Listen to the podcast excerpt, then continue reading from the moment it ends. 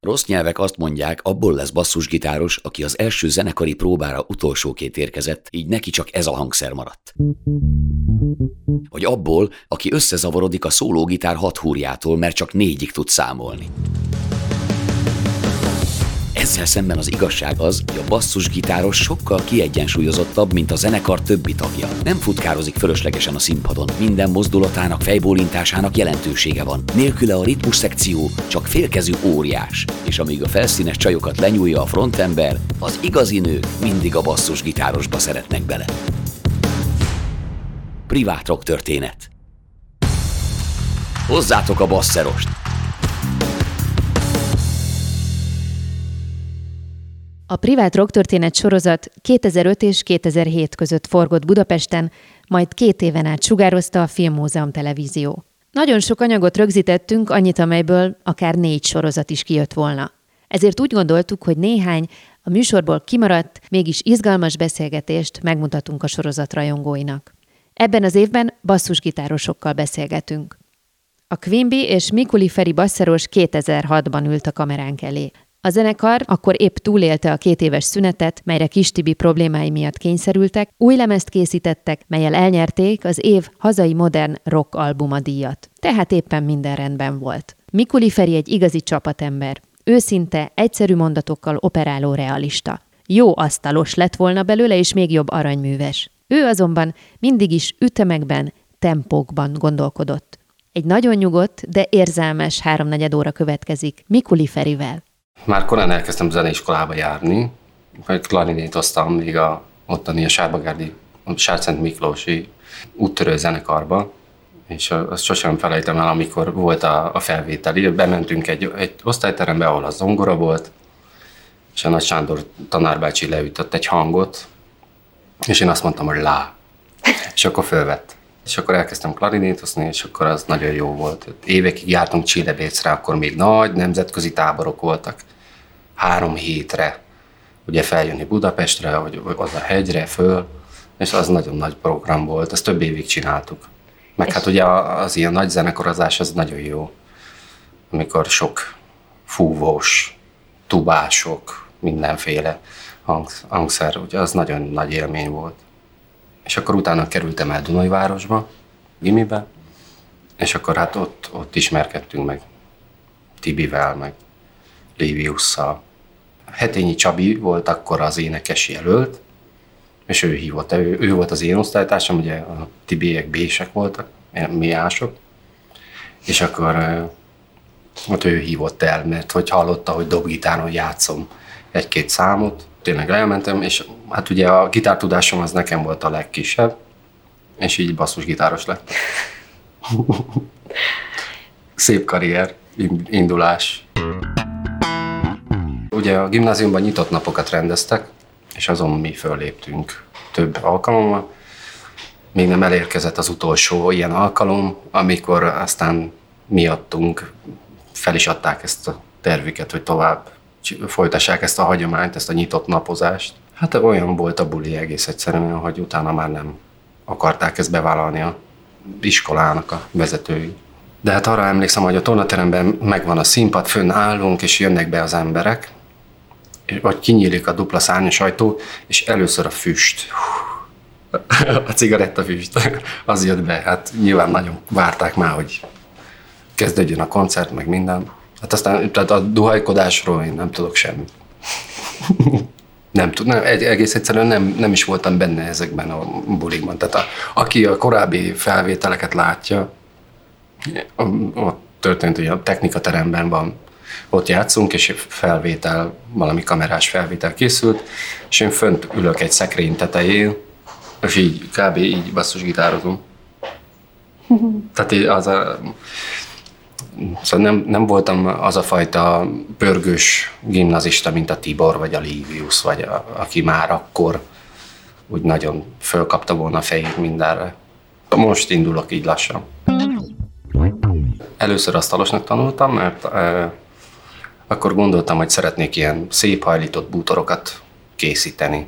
Mert azt, azt tudtam, hogy, hogy jó a kézügyességem, meg, meg minden. A nagy vágyaim nem voltak, hogy én egyetemre így, úgy amúgy csak ugye az volt, hogy kitaláltam, hogy elmegyek Erdélybe, és hogy majd ott, én ott tanulok.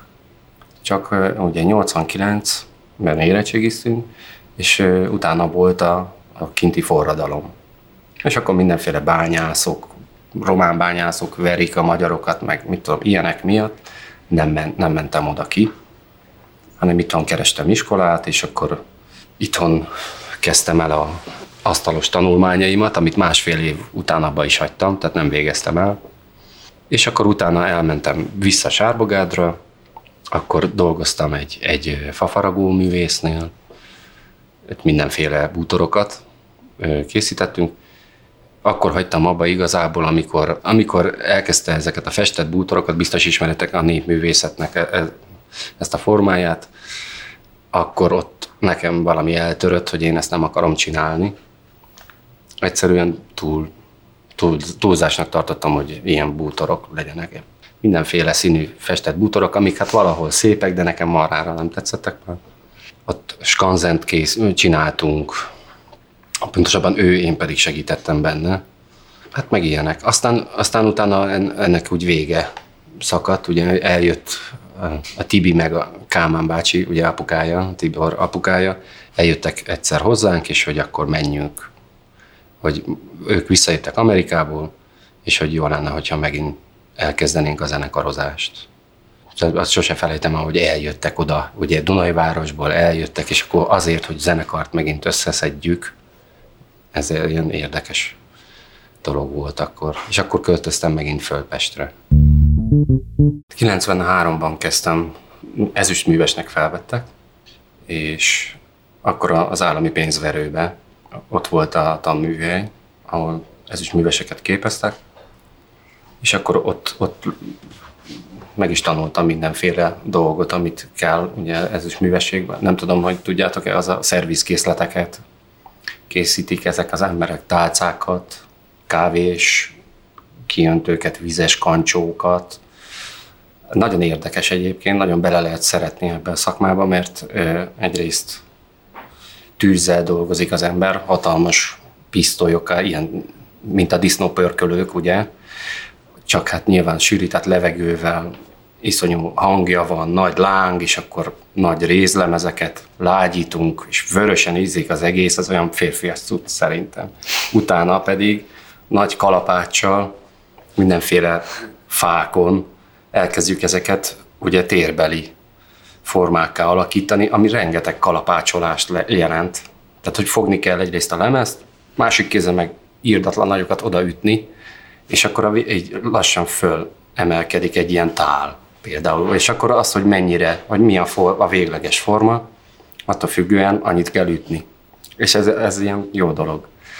Meg hát utána ugye a, maga az anyagoknak az olvadása, az gyönyörű például hát ugye az ezüst, meg az arany, amivel később találkoztam, meg dolgoztam, az, a, az nagyon szép, amikor ezzel a, a nagy olvasztó pisztolyokkal tégelyekben megolvasztjuk, és mint a, a hidegen a higany, ahogy összeugrik. Ugyanazt csinálják ezek a nemes fémek is, hogy amikor megolvadnak, akkor ilyen krumplikká összeolvadnak és a gyönyörű szép színei vannak. Hát aztán, hogy ezt mennyire lehet csinálni, azt, azt mindenki eldönti magá, szóval magának. Szóval az, amióta a zenekar van, és az, vagyis az ötvösséget elkezdtem, azóta ugye, mint a csikós két lovon állok, ugye két lábbal, vagy, vagy, vagy két fenékkel éppen mikor, hogyan.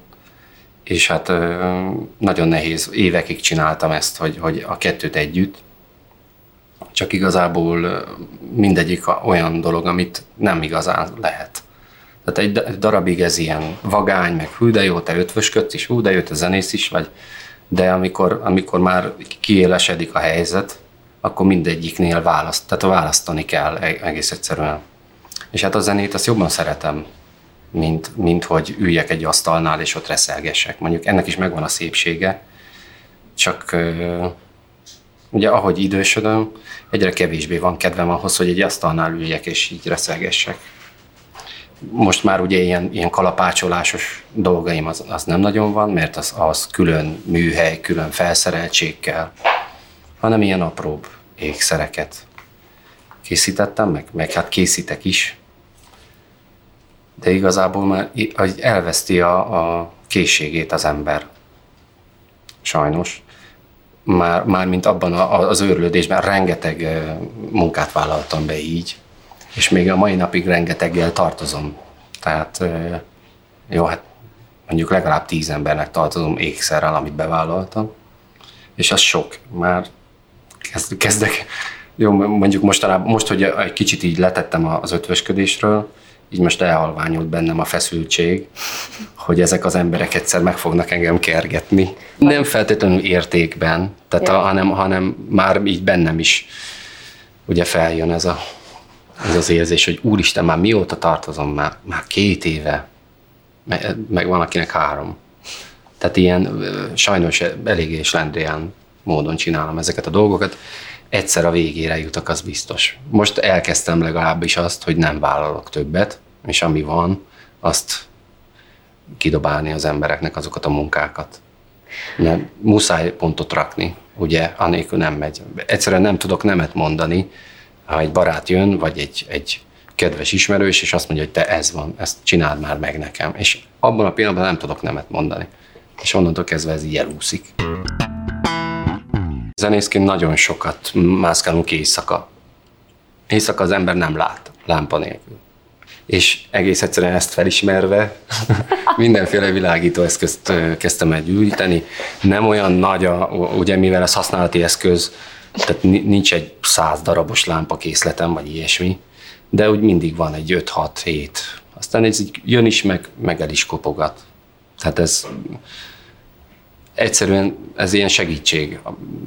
Ülünk a sötét buszban, és ha hallom, hogy matat valaki nagyon bőszen, akkor fogom a lámpát, és odaadom. A Livius olvasni szokott ilyen szürkületbe még, mert ő ugye állandóan ilyen természettudományi újság folyóiratokat olvas állandóan. Uh-huh. Most mit tudom, Geót, vagy a, éppen a National Geographicot, vagy most nem jut eszembe ez, ami, ami szokott nála lenni. Van egy magyar ilyen folyóirat is. Hát. Élet és tudomány, igen, azt szoktam még. Általában szürkületben, és akkor fogom a fejlámpámat, azt így odarakom neki fel a fejére, és akkor tud olvasni. Tehát ilyen praktikus dolgok ezek. Mivel tudom, hogy megvakul különben, mivel ezt rendszeresen csinálja, tehát egy, meg ezek jó dolgok. Főleg most, most volt ugye a, te, a teátrum turné, és abba, abba is úgy jövünk be, eleve a, a sötét színpadra, hogy lámpákkal. Na és hát akkor meg volt, adva volt a, a helyzet akkor mind, mindenkinek ugye kiosztom, mindig a koncertekre én vittem a lámpákat, és akkor így elemet, elemeket cserégetni benne, meg mit tudom, hogy mindig jó legyen. Tehát ez egy szórakoztató dolog egyébként. Akkor még Dunajvárosban próbáltunk, garázsban, és akkor emlékszem, hogy milyen nagy esemény volt az, hogy följöhettünk a Tilos ába játszani, és hogy fú, hát, hogy ez milyen jó dolog. És hát tényleg is az is volt egyébként, mert onnantól gyökeret, szóval hogy megkapaszkodtunk egyáltalán Pesten, és akkor úgy jött, jött mindenki föl, meg, meg jöttek a pesti tagok, meg, meg minden. És akkor hát én is hát tíz évet éltem Pesten végül is, a, azóta, tehát ami, amikor az ötvös iskolát elkezdtem, utána egy három hónap elteltével megint itt voltam Pesten már, mert hogy ugye akkor már zenekari próbák, koncertek miatt már jó volt, hogy itt fent voltunk mindannyian. Voltak úgy kalandozásaink Németországban. A tipikus kalandozó magyarok elmennek, hátrafelé lődezik a nyilat, semmi, semmi kapcsolat nem marad utánuk. Tehát ahogy visszajönnek, ott minden, minden italt, meg ételt lerabolnak, és aztán hazajönnek. Tehát ez, ez tipikusan ilyen volt. Általában ezek, ezek olyan turnék voltak, ami, ami nem, nem igazán nagy helyek voltak. Tehát ilyen kis kocsmák, ugye mivel nem a kapcsolattartásra egyáltalán nem fordítottunk energiát, csak a dajdajozásra, ezért ha játszottunk, jó, mondjuk volt, volt egy kivétel, mert volt egy fesztivál, ahova a következő évre is visszahívtak bennünket. Tehát az, az az egy gyümölcs volt, amit így le tudtunk szakítani igazából, meg, meg egyetlen kapcsolat. Vannak sztorik egyébként. A, az egyik ilyen Stuttgart környéki turné volt, és egy ilyen Jugendhausban voltunk elszállásolva a, egy nagy teremben, ahol nem volt ágy, hanem polifómokat raktak le nekünk. És, a, és az volt a, a szállás. És hát ebből jött ugye az ötlet, hogy, hogy a, a hogy is volt a történet, a kumisz ivással volt kapcsolatban, hogy, hogy a, ja igen, mivel hogy a földön fek, fekszünk ezen a polifómon, ezért eh, úgy fejezzük ki, hogyha ezért úgy nézünk ki, mint a büdös bogarak, hogy kezünk, lábunk így égnek áll. Valami, hát eleve ott a földön fekszünk, és akkor és hogy, hogy ez egy magyar népszokás, egy ősi magyar népszokás, hogy amikor vendégségben megy az egyik magyar a másikhoz, akkor ugye az kijön a, a vendég elé, és megkínálja kumisszal. És akkor a magyar megissza, és hogy ha tetszik neki, akkor lefekszik, és így csinál a lábával. Ez a, ez a magyar népszokás. Gedesics Ferenc, meg, meg a Varga Liusz éle járt ennek a népszerűsítésébe, és ezt elmesélte, hogy, hogy ez a magyar népszokás, és ezzel hülyítették ugye a, a kinti ö, német hallgatóságot, mármint a kocsmai szórakozás során. És akkor, hogy ö, tehát annyi marhaságot, amit ezek az emberek tudnak produkálni. Nem az, jó, én sem, tehát nem akarom ebből kivonni magam, de ne, én egy ilyen nyugodt, csendes típusú ember vagyok, és kevésbé pörgök ezekbe bele, ezekbe a hülyeségekbe. Viszont nagyon szórakoztat. Nyilván az egy hallgatónak is jó, főleg. Azt a mennyiségű hülyeséget, amit összehord a zenekar, egy-egy ilyen turné alatt, vagy, vagy utazás, elég, elég egy utazás vidékre le Budapestről és vissza. Volt időszak, amikor fárasztó volt, főleg Livius volt olyan, aki, akit ugye agyon csapni nem lehet, addig tud beszélni, ameddig csak akar, vagy, vagy szóval amíg lehet. És hát néha, néha neki volt olyan időszak, amikor borzasztó fárasztó volt már, hogy, hogy egy tény köré egy ilyen mondathalmazt épít. Tehát, hogy szerintem védekezni nem kell az egyetlen, ami, amiben, ami energiá befektetésbe kerül, az, az, hogy elviselni. Tehát, hogy vagy ki tudja kapcsolni az ember azt, hogy ő ezt folyamatosan csinálja, vagy nem. Mondom, egy, volt egy ilyen időszakom, amikor kifejezetten emlékszem, hogy, hogy, hogy már fárasztott. De az elmúlt. Most megint szórakoztat. Tehát ilyen, a Lewis is öregszik, és ezek meg, a, meg valahogy más, más, ő is változott. Tehát a többieknél így nem zavart semmi. De, de ez mondom abból adódik, hogy én eleve nem vagyok egy nagy beszédes. Ilyen kommunikáció szinten messze elő, jár, előrébb járnak a többiek. De hát ez nem baj valószínűleg. Itt vagyok, az a lényeg. Sokáig azt gondoltam, hogy ilyen ember azért kell egyébként, mert hogyha, hogyha ha még én is, ugye hatan vagyunk a zenekarban, ha még én is valami ilyen magamutogató, rengeteget pofázó ember lennék, akkor már a szana szétszaladtunk volna. Tehát egy, egy picit ilyen súlynak éreztem magam, hogy jó, én vagyok a nulla, akkor lehet ott körbe mindenfelé terjedni. Hát óhatatlanul, ugye, ugye belekerül egy, egy ilyen csapatba az ember, akkor mindenki, hogy mi a helye. És hát ők, ők aztán mindegyikre lehet mondani, hogy egy kicsit ilyen exhibicionista, meg, meg, meg szélsőséges, meg, meg ilyesmiket. És óvatatlanul én nem voltam ilyen soha, szerintem nem is leszek. Ugye azt már előbb kellett volna elkezdeni. Szóval hogy ezt éreztem, hogy, hogy nekem ez a helyem, hogy, hogy legyen, legyen valami, mit tudom, hogy középen, nem, ugye az arany középutat megtalálni, az így, hogy, hogy én vagyok a mérleg nyelve, és akkor ami, amikor valami negatív van, akkor akkor én húzom vissza, mit tudom, rengeteg veszekedésben, mert hát óhatatlanul ilyenek előjönnek, akkor próbálom nyugtatni, megtalálni azt, hogy mi az, ami, ami az egyik téved, a másik nem érti, és akkor összehozni, hogy, hogy mi a... Ez, ez van érzékem egyébként. Tehát, hogy, hogy az ilyen nézeteltéréseket tisztázni. Nem tudom, hogy mennyire fontos ez, de, de próbálkozom ezzel. Nehéz, de, de igazából éppen, éppen a természetemből adódóan az nem, mégsem annyira nehéz, mert uh, inkább az, hogy látni, hogy a kettő ember miért ugrik egymásnak, és hogy viszont én egyszerű vagyok, és én látom, hogy, hogy nem, nem jó helyen vannak ők. Tehát, hogy, hogy fölösleges a vita. Általában ilyenkor szoktam bele szállni ebbe. Tehát nem akarom ezt nagyon hangsúlyozni, hogy ez mennyire fontos, mert azért annyira nyilván nem mennek el az indulatok sem, meg a a gondolatok sem, hogy, hogy bántsák egymást az emberek, de nekem ez a szerepem. Livius volt az első dobosunk, ugye? Akkor még ilyen gyufa feje volt. Sok haja volt a Liviusnak, csak ezt azért mondom, mert most már nincsen. Gimnáziumban egy ilyen afrofrizurás ember volt, tehát rettentő sok haj, hajjal. Most itt volt délután már, nem? Akkor mindenki tudja a különbséget.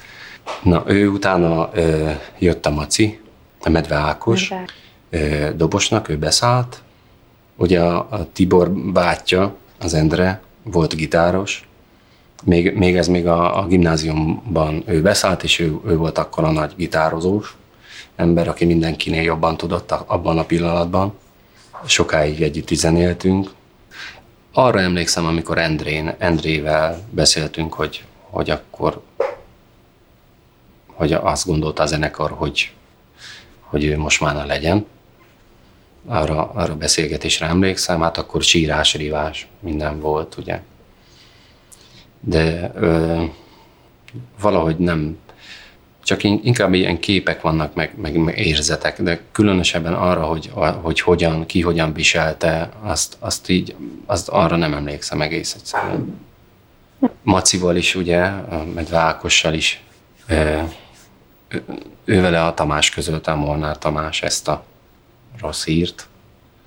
Igazából az, hogy ki hogyan dolgozta fel, én mindig, mindig az új embereknek örültem.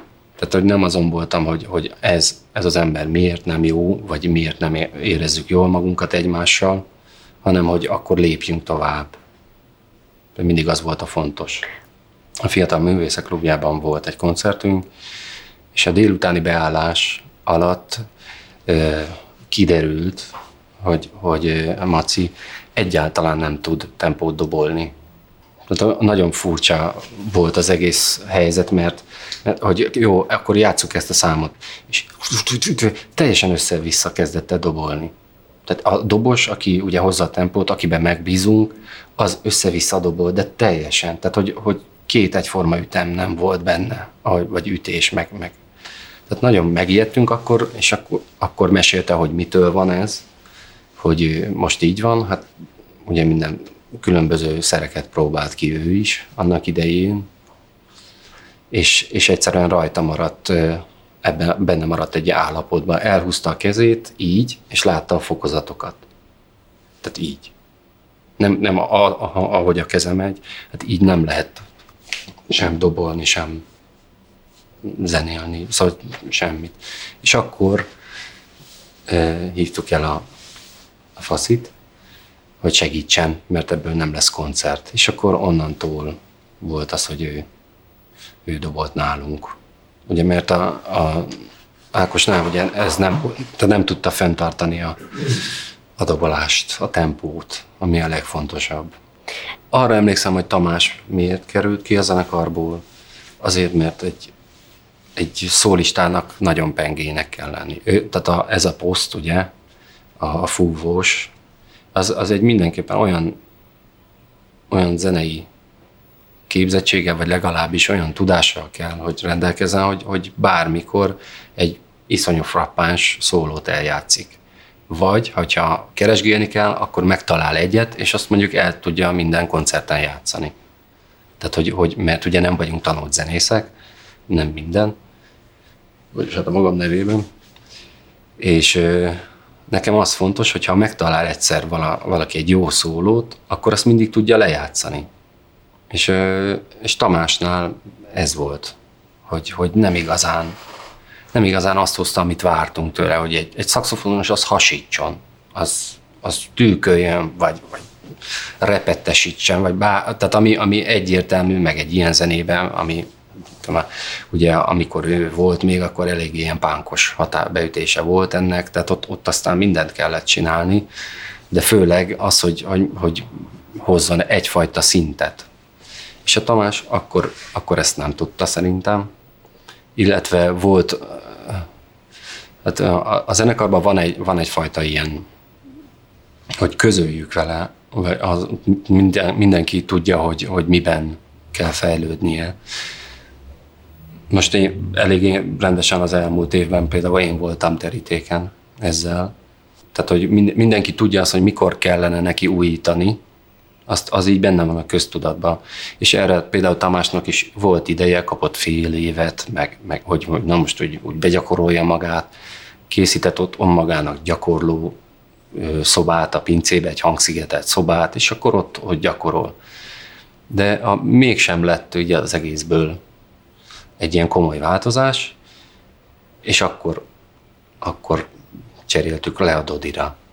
Így egész egyszerűen így erre emlékszem. Tehát, hogy aztán rendben van, úgy tudom, rendben van az élete, meg minden, tehát az, hogy, az, hogy így kiesett, az, hogy ő szakszofonozik, ez azért nem olyan nagy gond most már. Tehát ő is megtalálta, amihez igazából a belső építészethez vonzódott ő nagyon, és most úgy tudom, hogy abban is dolgozik. Tehát így a helyére kerülnek, azt hiszem, a figurák, amikor, amikor eljut oda, hogy valaki kiesik a zenekarból. A Dodi meg hát az egy hihetetlen egyéniség, akciópapi. Hát, hogy mindig valamit, valamit kitalál magának, doktor Privátinak is hívjuk, ezért mi bármerre megyünk az országban, ő neki valahol mindig van valami dolga, ilyen személyes, ami a zenekar, szóval jel eltűnik. És ezt nagyon bírom benne. Meg hát hihetetlen figura, annyi, annyi figurát tud előadni, és ugye a Tibivel nagyon egymásra találtak, mert ő is szeret ugye ez a bolondozásból öreg papákat.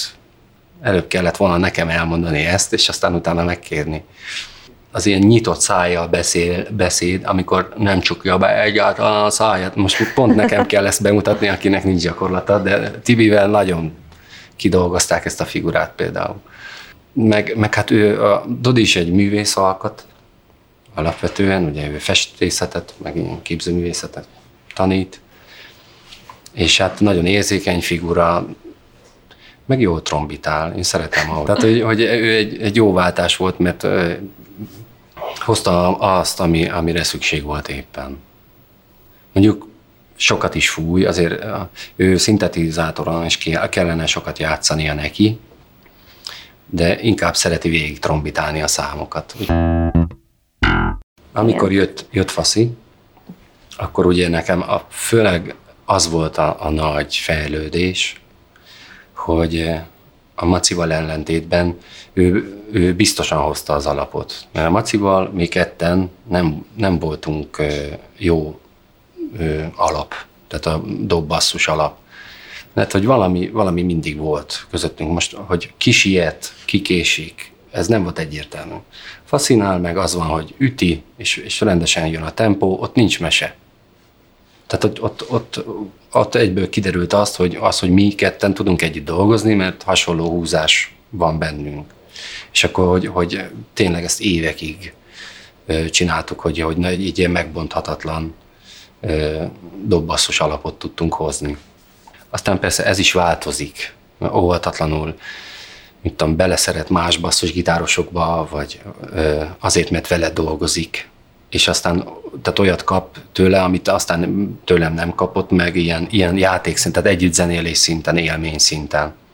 És akkor persze ez nehéz ezt így visszahozni, főleg, hogyha valaki több zenekarban játszik, akkor, akkor ez ugye amikor a Tibi elment Komlóra, akkor ők megcsinálták a kutyavacsorája, zenekart, és akkor elkezdett a Lacával dolgozni, meg, meg a többi másik emberekkel, meg ő neki nagy barátja a Mezei Bandi, akivel a Marlboro Man-ben, a Ülői Fákban, tehát ilyen zenekarokban játszik, tehát több, több emberrel van kapcsolatban, és nekem az volt a furcsa, vagy, vagy hát az utóbbi évben volt ez igazából nekem fura, hogy, hogy mégis hogy visszahozni azt, hogy, hogy mi ketten vagyunk egy.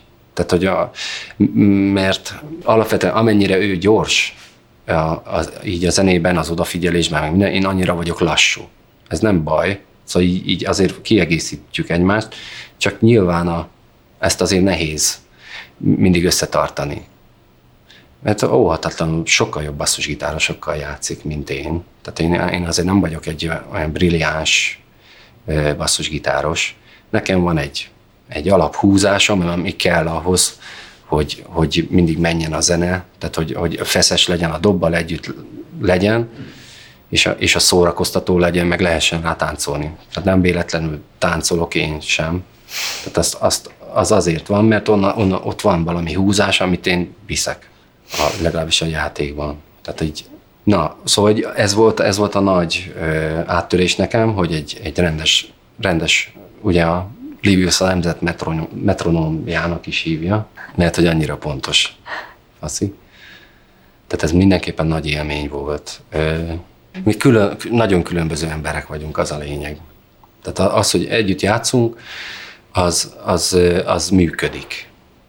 És ez, ez nekem ez a legfontosabb. Cisco, amikor jött, arra nagyon emlékszem, mert a, emlékszem, amikor elmentünk Füredre hozzájuk, a házba, a háznak a pincében, vagy, vagy alaksorában.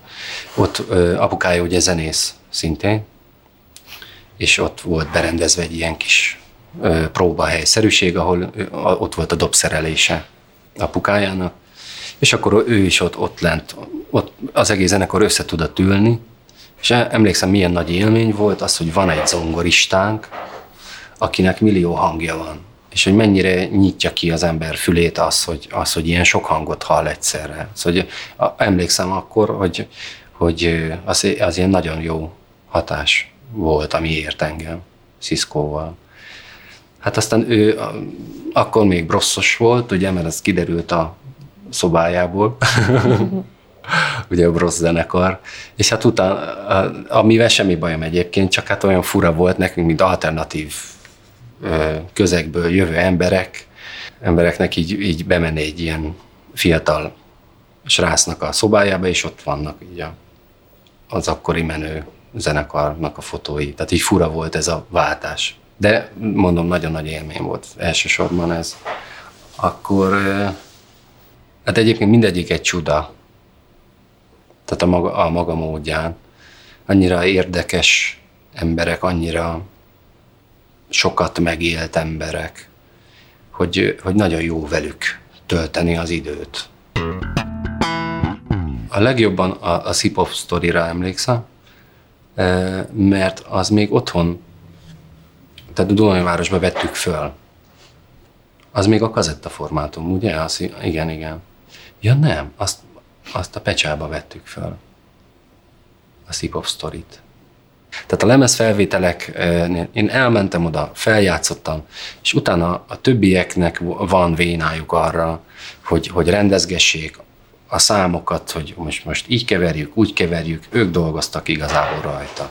Tehát a, a maga így a lemezfelvételnél már régóta készülök, hogy egy, egyiken így végig ott letáborozok, és végig ott maradok, de ezt eddig még nem tettem meg. Tehát volt, volt sok, tehát sok napot ott töltöttem, de igazából nekem nincs ahhoz tehetségem, hogy, hogy azt, azt hogy végig a másikat rendezgessem, hogy ez most jó volt, nem volt jó. Úgy van, hogy mindegyik lemezen vannak kedvenc számai, amik, amiket akkor is szeretni fogok, hogy de hogy, hogy a lemezre legjobban én a remix lemez szeretem, amikor a mi számainkat feldolgozták. Ugyanis a, a legjobban, a legközelebben, vagy legközelebb állnak azok a ritmikák, meg, meg e, ilyen gondolkodásmódok, ahogy, ahogy azokat a számokat jó visszahallgatni. Tehát én szeretem a saját számainkat, de hogy egy kicsit ilyen, ilyen modernebb ö, hangzással szeretem. Így, igazából az a kedvenc lemezem, az, a, amit, amit bármikor meg tudok hallgatni. Egyébként nagyon fura, mert, mert nagyon nem hallgatom őket. Tehát, hogy, hogy mindegy, úgy pont azért, mert mindegyiken van pár kedvenc számom, ezért hát majd egy, egyszer összeírom ezeket a kedvenceket, és azt fogom hallgatni valószínű sokat. Szóval lexikális tudásom az sajnos egyáltalán nincs ezzel kapcsolatban. Sem szövegeket nem tudok így visszamondani. Van, hogy a számokra sem emlékszem. Egész, ez, ez, ez így van. Amit játszunk, meg amit nem játszunk, az két külön dolog. Mondjuk az, amikor hogy tényleg nem tudjuk, hogy lesz-e koncert, az annál rosszabb nincsen. Tehát az, a, az borzasztó érzés. egyrészt ugye félti az embert is, meg hogy az eseményt, hogy ez egy mindig jó dolog szokott lenni, és hogy pont abba pörög bele a Tibi, hogy a, annak a felelőssége, meg a frontember felelőssége, hogy akkor most hogy van ez az egész. Tehát, hogy az, az nehéz dolog, hogy az benne volt a levegőben állandóan, változott, hol jobb volt, hol rosszabb. Aztán a vége felé lett már az, hogy, hogy már nem is tudja, hogy eljön el koncertre. Tehát, hogy voltak ilyenek, hogy mindig vártuk, hogy elindult a zenekari busz, és akkor Tibit felvettük, ugye megálltunk az Andrásin, és akkor na, hogy hogy fog a Tibi most indulni. Tehát milyen állapotban vajon. Az a, hát a bizonytalanságot senki nem szereti. Az, az. Ugye én Dunajvárosban jártam föl, teljesen más ö, volt az én hozzáállásom. Én a Tibi, Tibinek a, a dolgairól nem tudtam annyit, meg nem tudtam annyit foglalkozni. Én el voltam a magam dolgával az, hogy feljárok, egy másikban, másik városban van a családom, kisgyerekkel, és itt teljesen egy ilyen más dologba kerültem bele. Tehát így a Tibivel, akkor bocsánat, akkor még meg se volt a lányom, hát de buta vagyok, mert ez a káosz amigosról beszélünk. Furcsa, hogy igazából amióta Tibi visszajött, azóta vagyok képbe igazából ezekben a dolgokban. Tehát, hogy, hogy amikor elveszti az ember a, azt a közeget, a, a zenekarát, a, a egyfajta életét, akkor, akkor jobban tudatosulnak benne a dolgok, akkor jobban ráhangolódik az emberekre. Meg hát nyilván e, ami, amilyen szinten a zenekar ütötte magát mindenféle szerekkel, nem csodálkozom ezen. Tehát e, sajnos ez most így szembesülök ezzel, hogy mennyire nincsenek abból az időszakból emlékeim. Tehát csak, csak az ilyen foltok, meg, meg, meg az érzetek maradtak meg. Ez nagyon fura. De hát ez egyszerű fizikai folyamat, vagy, vagy hogy mondjam, hogy, hogy az ember memóriája leépül. Sajnos. És igazából innen kell fölállni. Tehát az, ami, amikor, amikor tiszta időszak van, tehát amikor valamit építünk megint, akkor, akkor kell erre odafigyelni, hogy akkor mit tud hozzátenni az ember. És, és mostanában szerintem sokkal jobban figyelek a zenekarra, a zenekari tagokra, meg, meg a, hogy hogy élnek, meg, meg egyáltalán arra, hogy mit csinálunk. Én is egyre többet foglalkozom hangszerrel, tehát a, a basszusgitárral, ez a későn ér, hát lehet mondani, hogy későn érő típus, de tényleg most, most van, eljutottam oda, hogy, hogy mi az, ami fontos, hogy, hogy beszűkül a, a mozgástér óvatatlanul. Tehát, hogy már nem ötvösködöm, már, mit tudom én, arra figyelek, hogy merre kell menni. Így a zenekarral. Mert annyi, annyi elfoglaltságot ad a zenekar, hogy, hogy nem lehet mellette már mást. És akkor így nyilván egyre egyértelműbb az, hogy mit kell csinálni. Ahhoz, hogy a zenekar működjön, az, hogy a számokkal, az ötletekkel foglalkozni, végre van próbahelyünk, tudok oda menni, és akkor ott, ott gyakorolni, próbálgatni, hogy melyik lenne az a jó kíséret, ami ott. Tehát igazából pozitív az egész, a, a múlt az, ami negatív. Így átmentünk már minden olyan dolgon, ami, ami egy zenekar életében általános, vagy, vagy törvényszerű, vagy igazából itt már építkezés van főleg, mert ráadásul hát már minden jóval 30 után vagyunk, és ilyenkor már semmi rombolás nem tűr meg a, az elméje az embernek, tehát innentől csak, csak az összefogás, csak, csak pozitív dolgokról beszélünk. Még amikor negatív dolgo, dolog, dolgokat találkozunk, mit tudom én, az állam, vagy a, a politika, vagy ilyesmi, akkor is arra törekszünk, hogy hogy, hogy lehetne ebből, tehát a beszélgetés, hogy hogy lehetne ebből valamit építeni. Igazából a, a próbákra emlékszem. Azt, ahogy, elke, ahogy elkezdtünk dolgozni. Ugye Tibi sokkal jobban nézett ki, eleve, vagy egy ilyen rendbehozós, feltöltődős időszakon túl van, és tele volt energiával, ötlettel, igazából, igazából csak rá kellett hangolódni, hogy, hogy mi van. Mert annyira hozta magával ezt a, a fölépített dolgot. Végül is így beszélt, beszéltük is, hogy, hogy ez egy, egy ilyen szóló lemezszerű, ugye a legutóbbi. A kilégzés? Aha. Mert hogy mert annyira erős volt az, amit hozott, Tehát, hogy nem sok mindent lehetett azért bele rakni. Persze rengeteg minden benne van, csak hogy az ő vonala volt a legerősebb. Szövegekkel, a, a zenei ötletekkel, meg minden. És, és még ugye, még az utolsó pillanatban még átvariálta a számokat, hogy ne úgy legyen, hanem nem így. Tehát volt egy picit olyan, hogy csak kapkodtam én is a fejemet, hogy most ez hogy, hogy is lesz ez a szám. Akkor végül is, itt van a stúdió, és még azt se tudom, hogy hogyan, hogyan játszom föl. Mert hogy, hogy így pörögtek a, az események. És akkor igazából erre emlékszem. Szerettem volna én is elmenni oda egy ilyen feltöltődős uh-huh. időszakra, mert hogy, hogy ez jutott eszembe, hogy, hogy mennyire jó, jó dolog. Tehát, hogy a, a Tibi akkor így elvitte ezt az egész, tehát a, az volt a lényeg, hogy ő volt. Ő hozta a dolgokat. Tibi az egy dalszerző, az egyértelmű, hogy ő eleve erre átrázadja, hogy hogyan építkezzen az a szám, így kardírozza, így szervezgeti azt, hogy hogyan játsszuk meg mindent. De azért ez sokkal jobban, jobban részt vehetünk ebben, hogy hogyan épül föl. És hát mindenki hoz ötleteket, tehát azért az, ugye Tibi, mit tudom, hozott 50 vagy 60 ötletet, de, de mindenki hoz legalább tízet, ami, amiből esetleg lehet építkezni.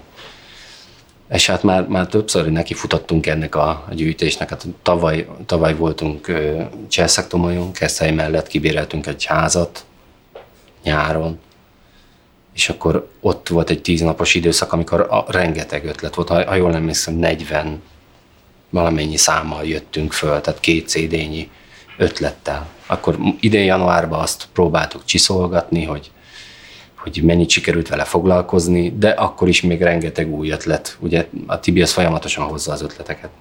Tehát ő, ő, ő vele nehéz azért lép, lépést tartani. Erre panaszkodott is, hogy, hogy mindig így van az ötlet, így bele lovalja magát, így, így elindul valahogy fölfelé, ugye, hogy jön rá már a szövegötlet, meg minden, de a zenekarra nem sikerül úgy megvalósítani. Hogy mégis valahogy ez a felépítmény így beroskad. Hát mert hogy, hogy nehéz követni ugye a, ezt a fajta mennyiséget, meg hozzászólni a, a ennyi ötlethez. És ebből most sikerült így munkával, abban, végre van próbahelyünk, ezt a fajta mennyiséget, meg hozzászólni a, a ennyi ötlethez. És ebből most sikerült így munkával, abban, végre van próbahelyünk, végre tudunk dolgozni, lelassítani, és akkor felvenni a számokat, és ott, mit tudom, aznap megoldani dolgokat, hogy egyen jobb legyen, tehát hogy legyen fejlődés mindegyikbe.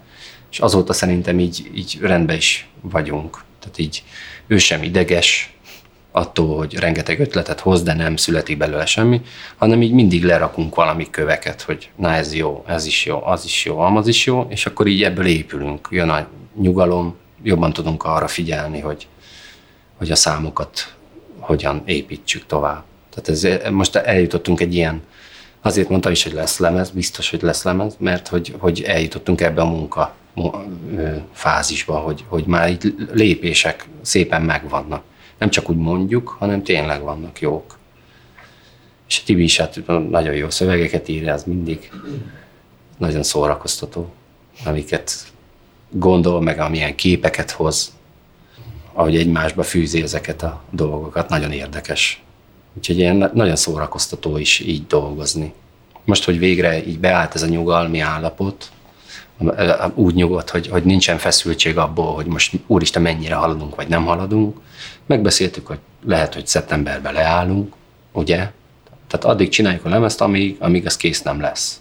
Addig nem lesz majd, a augusztus után koncertünk. Legalábbis ebb, ezzel a régi számokkal. Mert hogy most már meg kell zavarni ugye a magyar zenei életet valamivel, vagy tehát valamit így robbantani kell, mert óhatatlanul szükség van. Hát már 16, 16 éve vagyunk, és mindig azért volt valami, hogy, hogy jött egy lemez, akkor ez, ez ilyen, vagy olyan, de hogy, hogy valami karakteres dolog volt a magyar zenei életben és hogy, hogy igazából most is jobb szükség van erre biztos. Ez volt a Privát Rock Történet Podcast, melyet a Kinopolis Kft. csapata készített. Ha tetszett, gyere a Kinopolis Budapest Facebook oldalra, és keres magadnak más izgalmas hallgatnivalót. És persze lájkolj, csillagozz, jelölj és iratkozz fel, hogy nekünk is jó legyen. Köszönjük! A műsor az NKA hangfoglaló könnyűzenei támogató program támogatásával készült.